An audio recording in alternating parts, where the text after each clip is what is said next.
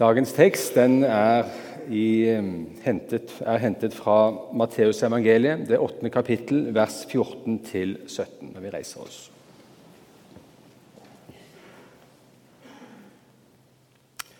Jesus kom hjem til Peter og så at svigermoren hans lå til sengs med feber. Han rørte ved hånden hennes, og feberen slapp henne. Hun sto opp og stelte for ham. Da det ble kveld, brakte de til han mange som hadde onde ånder. Han drev åndene ut med ett ord og helbredet alle som var syke. Og slik skulle det ordet oppfylles som er talt gjennom profeten Jesaja. Han tok bort våre plager og bar våre sykdommer. Slik lyder Herrens ord.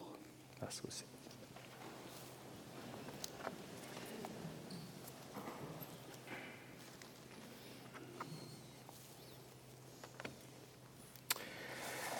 Ja, vi er hjemme hos eh, Peter i dag. Vi er i Peter sitt hjem. Og Det kan se ut som at både hans svigermor og hans bror bor der. Så at det var et sted hvor storfamilien bodde. Og Mye kan også tyde på at dette også var Jesus sitt faste tilholdssted når han var i Kapernaum. Eh, mye kan tyde på det. Og, og så møter vi heller ikke Peter sin kone. Det står ikke noe om henne, annet enn at vi vet Paulus nevner så vidt henne i et av sine brev, i 1. Korinterbrev 9, hvor Peter taler om at apostlene har med sine koner sin, i sin tjeneste. Og Det er jo flott å tenke på. Konene fulgte de som var gift av apostlene. Konene deres fulgte dem mye på deres tjenestereiser. Den historien vi hørte nå, den står jo også i Markus og i Lukas-evangeliet. Og Både Markus og Lukas de forteller litt mer eh, om det som skjer i forkant av akkurat det som skjedde når vi kom hjem til Peter her. Jeg hadde lyst til å si litt om det, for det er noe med å se litt av sammenhengen som den teksten vi leste, står i. Eh, og Det har også litt betydning for det som skjer utpå kvelden hos Peter. Så har jeg delt prekenen i tre. Den første delen har jeg kalt Jesu makt og myndighet. Jesu makt og myndighet. Den andre delen har jeg kalt helbredelsens frukt. Og til slutt Guds løfte og oppfyllelse. Så de tre tingene vil jeg komme inn på i dag. Jesu makt og myndighet. Jesus har tidligere på dagen, eh, før han kom til Peter, vært i synagogen og undervist. Det er sabbat. Og Det står at folket er slått av undring over hans undervisning og tale. Og Det er jo noe vi hører flere steder. Det er en myndighet og autoritet når Jesus taler, som de ikke har hørt før. Og Det er jo flere grunner til det. Han er Messias, den levende Guds egen sønn, som er her og underviser. Men det vet jo ikke folket enda. Jesus sier i Johannes 8.: Jeg taler om det jeg har sett sier han. og Så sier han i Johannes 6.: For jeg er ikke kommet ned fra himmelen for å gjøre det jeg selv vil, men det Han vil, som har sendt meg. Altså, Jesus er et vitne og taler om det han har sett. Han er sendt fra himmelen til oss. Hans egen far har sendt han. Det sier jo noe om tyngden i det han sier og gjør. Han er førstehåndsvitne fra himmelen. Han er Guds egen sønn. Og Dette med myndighet og autoritet det sier faktisk Guds ord noe om. I Josva 3 i Det gamle testamentet så kan vi lese at Herren taler til Josva, og så sier han følgende ord. Fra i dag av så vil jeg gjøre deg stor i Israels øyne, så de forstår at jeg er med deg, slik som jeg var med Moses. De ordene de lærer oss noe om myndighet og autoritet. Vi mennesker kan ikke ta oss til noen myndighet. Gud må gi oss den. Og Den som vil forsøke å være stor i egne øyne, vil aldri kunne være et redskap for Herren. Men den som vil gjøre Hans vilje og søke ære av Gud framfor mennesker, han vil Gud kunne bruke. Som Jesus sa, 'Jeg er ikke kommet for å gjøre det jeg selv vil, men det Han vil, som har sendt meg.' Og Det er også det enhver hyrde og prest skal være seg bevisst det er hans vilje vi skal gjøre. Det er hans ord vi skal forkynne. Og Det er også det som gir oss en myndighet for vår tjeneste. Og Det understreker også apostlene flere ganger. Når Jesus underviste i synagogen her tidligere på den dagen når Jesus kommer til Peter, så skjer det noe underlig. For i synagogen, i kirken der, så er det en mann med en uren ånd. En ond ånd, står det. Og Han begynner å rope og skrike. 'Hva vil du oss, Jesus fra Nasaret?' 'Jeg vet hvem du er, du Guds hellige.' 'Er du kommet for å ødelegge oss?' Men Jesus truer han, ber han tie og farer ut av ham. Og ånden river og sliter denne mannen og skriker, og han forlater mannen. Så står det at folket er lamslått. Og så sier de at 'dette har vi aldri sett før'. Hvilken myndighet Jesus har. Og så står det at ryktet om han spredte seg over hele Galilea. Instagram og Facebook gikk varmt, sosiale medier kokte. Ok, Jungeltelegrafen mann til mann, da. Det var effektivt, det òg. For om kvelden så hørte vi at det stimlet til med folk. Hele, Markus skriver at hele byen kommer til Peters hus. Og mor til Peter må jo ha, eller Svigermor må jo ha sagt hvem har du tatt med deg hjem i dag, Peter? Alle disse menneskene. Så er Det noe, altså det står jo mye om onde ånder. Når du leser evangeliene, så møter vi stadig vekk på at Jesus står overfor onde ånder så er det noen ting vi skal legge merke til med disse onde åndene. For det første de kjenner Jesus og vet hvem han er.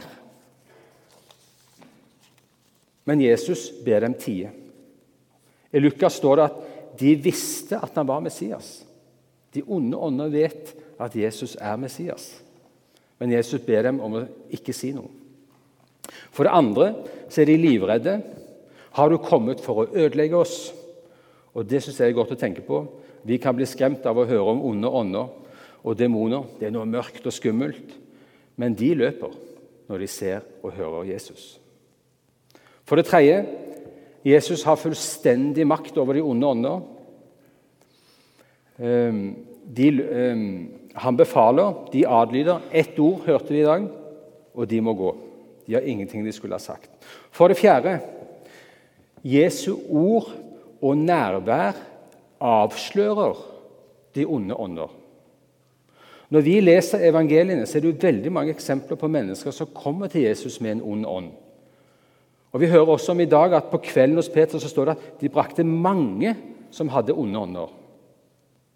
Og han drev dem ut med ett ord. Vi skal legge merke til at det er i evangeliene vi hører om dette. Så langt jeg kan huske, så finner vi ikke noe særlig om dette ellers i Skriften. I apostlenes gjerninger eller andre steder. Og Det nærmeste vi kanskje kommer, er trollmannen Simon i apostelgjerningene, som Paulus møter på, som er en motstander av evangeliet. Og, Paulus taler til han og gjør han blind for en periode, så han kan omvende seg.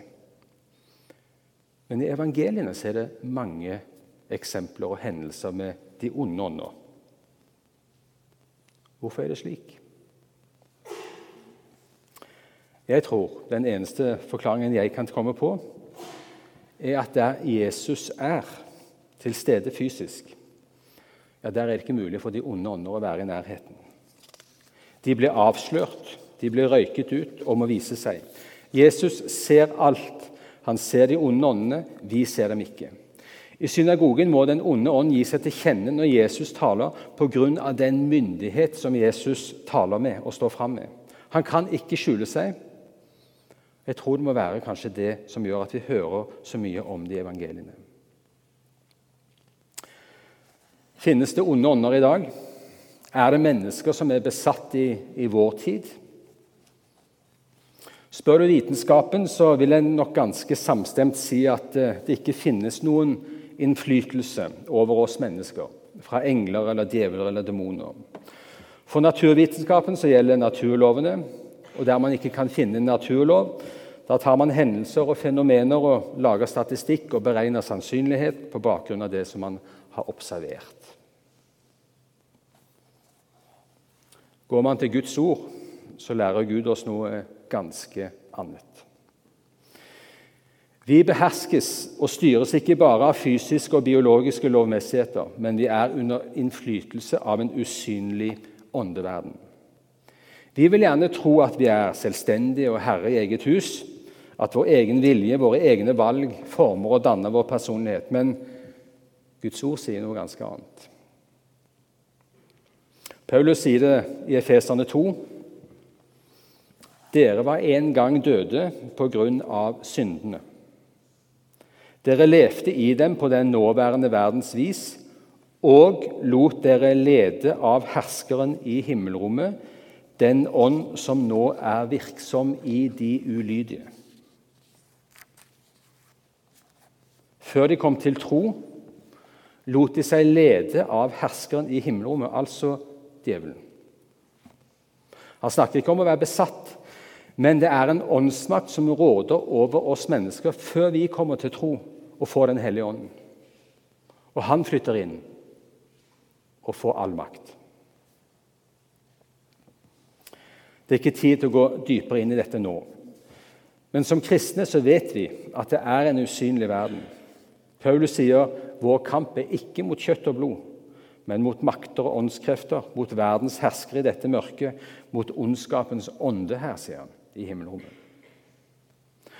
Og Så kan vi lese hos Paulus i Kolosserbrevet når Jesus dør, så står det at da han dør på korset, kledde han maktene og åndskreftene nakne og stilte de fram til spott og spe da han viste seg som seierherre over dem på korset. Når Jesus dør på korset, foregår en kamp som vi ikke ser. Jesus seirer over djevelen og hans hær på korset. Og Så leste Mia fra Hebreabrevet i dag, og der står det Siden barna er av kjøtt og blod, måtte også han fullt ut bli som dem. Jesus måtte bli menneske som oss.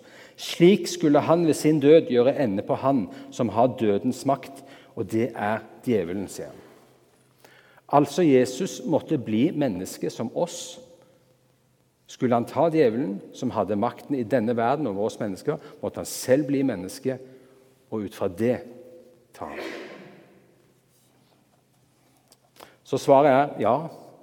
Det er en usynlig åndeverden. Vi ser den ikke, men vi, den har, men vi merker den har sin innflytelse i kultur, vitenskap, politikk, samfunnsliv, ideologi, kunst og musikk. I alt dette er ånd til stede, og vi merker hvilken ånd som råder ved hva som formidles, holdninger og det som sies om Jesus.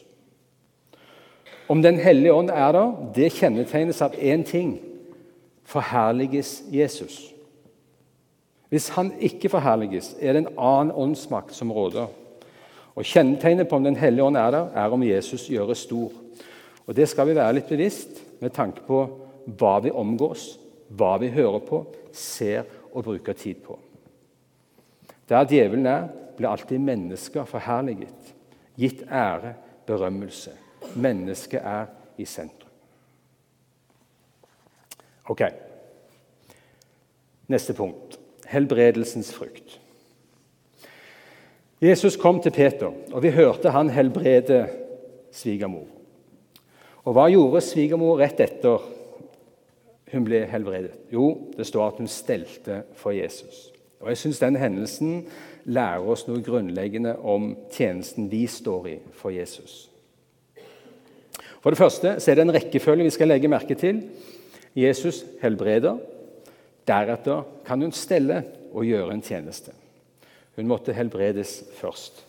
For å servere og stelle for mennesker med kanskje 40 feber, ja, det er fryktelig tungt. Men det sier også noe om vår tjeneste for Jesus.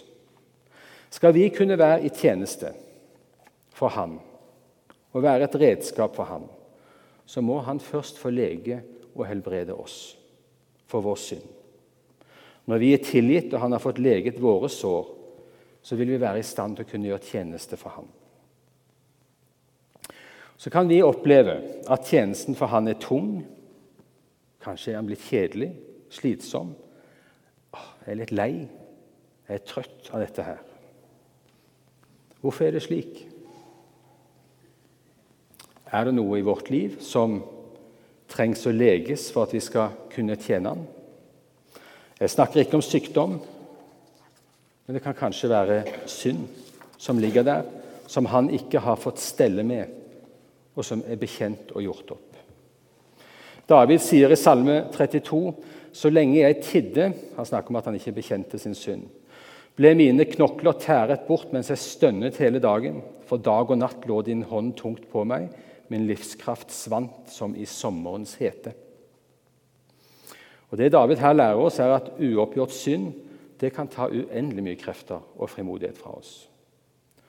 Og Hvis vi kjenner på total mangel på glede, overskudd, frimodighet, ønske om å tjene Jesus, kanskje det er noe han trenger å få leget i vårt liv. Vi husker historien om Martha og Maria. Martha klaget til Jesus på sin søster. Hun sto der med all jobben sjøl. Men Jesus taler henne til rette. Så kan vi lese i Johannes 12. Jesus er på besøk igjen hos disse søstrene og Lasarus. Og Da leser vi at Martha også da vartet opp. Da var det ingen klage lenger hos Martha. Så For det andre hørte vi at svigermor umiddelbart stelte for Jesus og tjente han. Og Det tenker jeg så fantastisk. Hun stelte mat og vartet opp. Ja, og Det er jo en tjeneste for mange i kirkelig sammenheng. Mange er med å gjøre den tjenesten her hos oss på Ryenberget. Og Neste gang du steller mat, koker kaffe, lager en kake, ja, da steller du for Jesus. For vi er hans barn. Og Jesus sier jo det du har gjort mot en av mine minste, har du gjort mot meg. Altså mot hans egne barn. Og Tjenesten for Jesus er jo uendelig rik. Noen steller mat, noen besøker syke.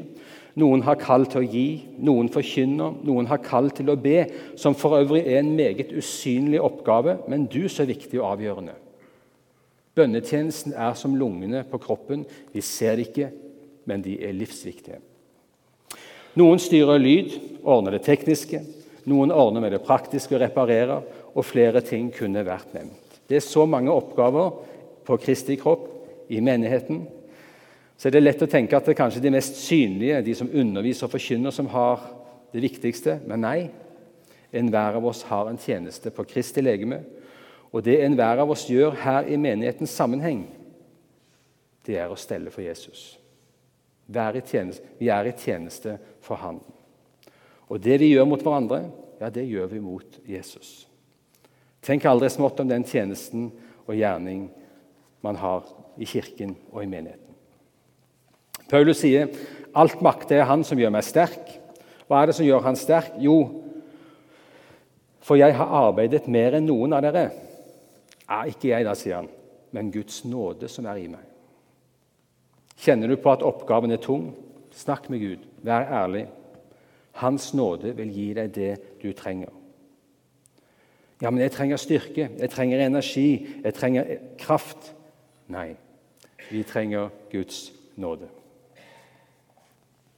Siste punkt løfte og oppfyllelse.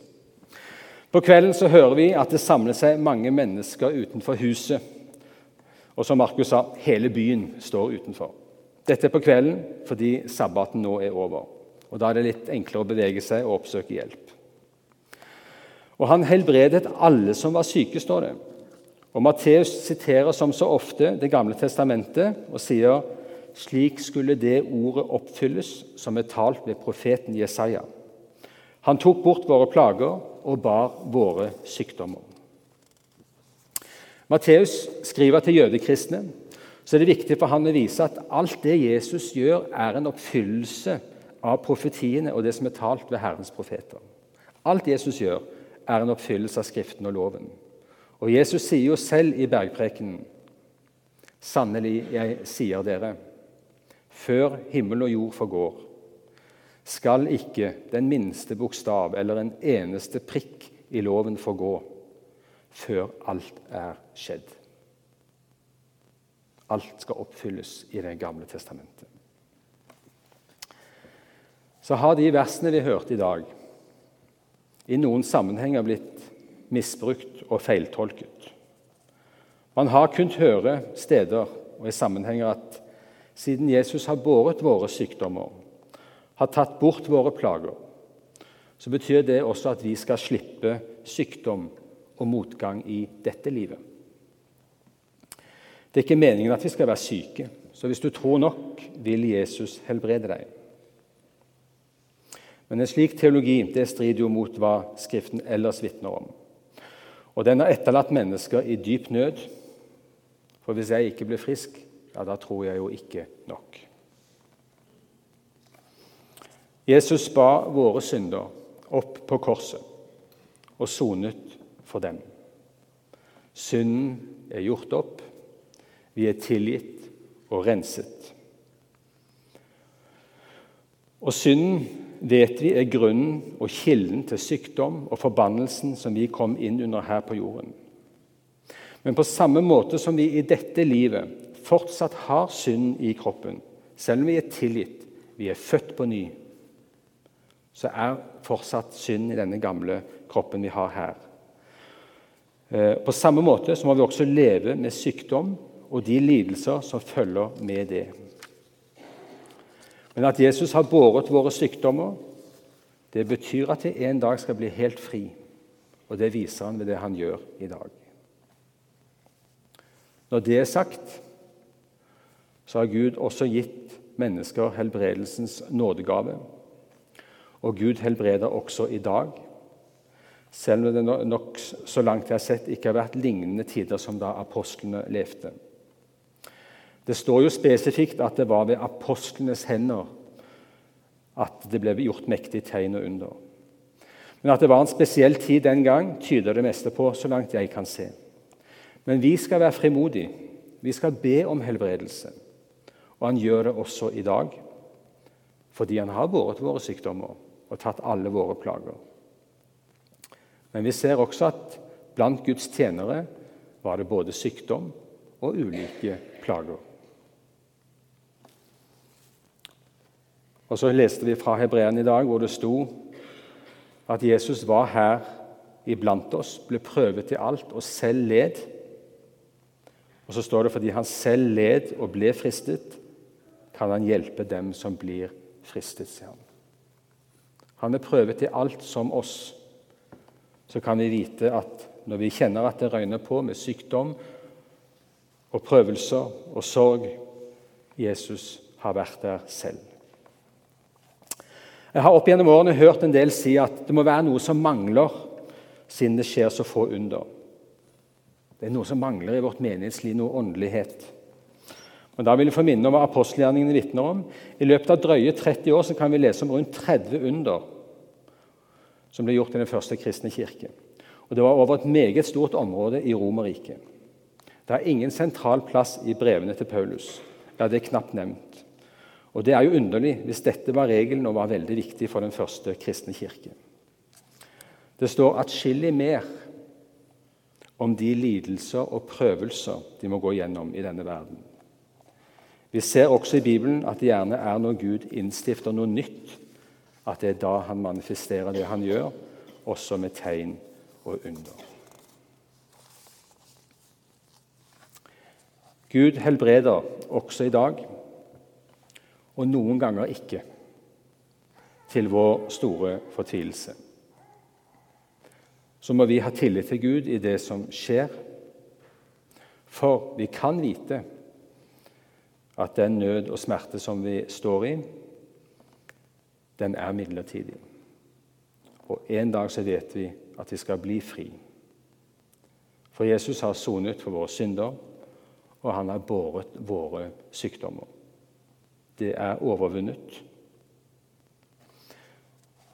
Til slutt vil jeg bare at vi skal ta med oss det Jesus har sagt, at det jeg gjør, forstår du ikke nå, men du skal forstå det siden. Det kan vi trøste oss med når det står på som verst. Amen.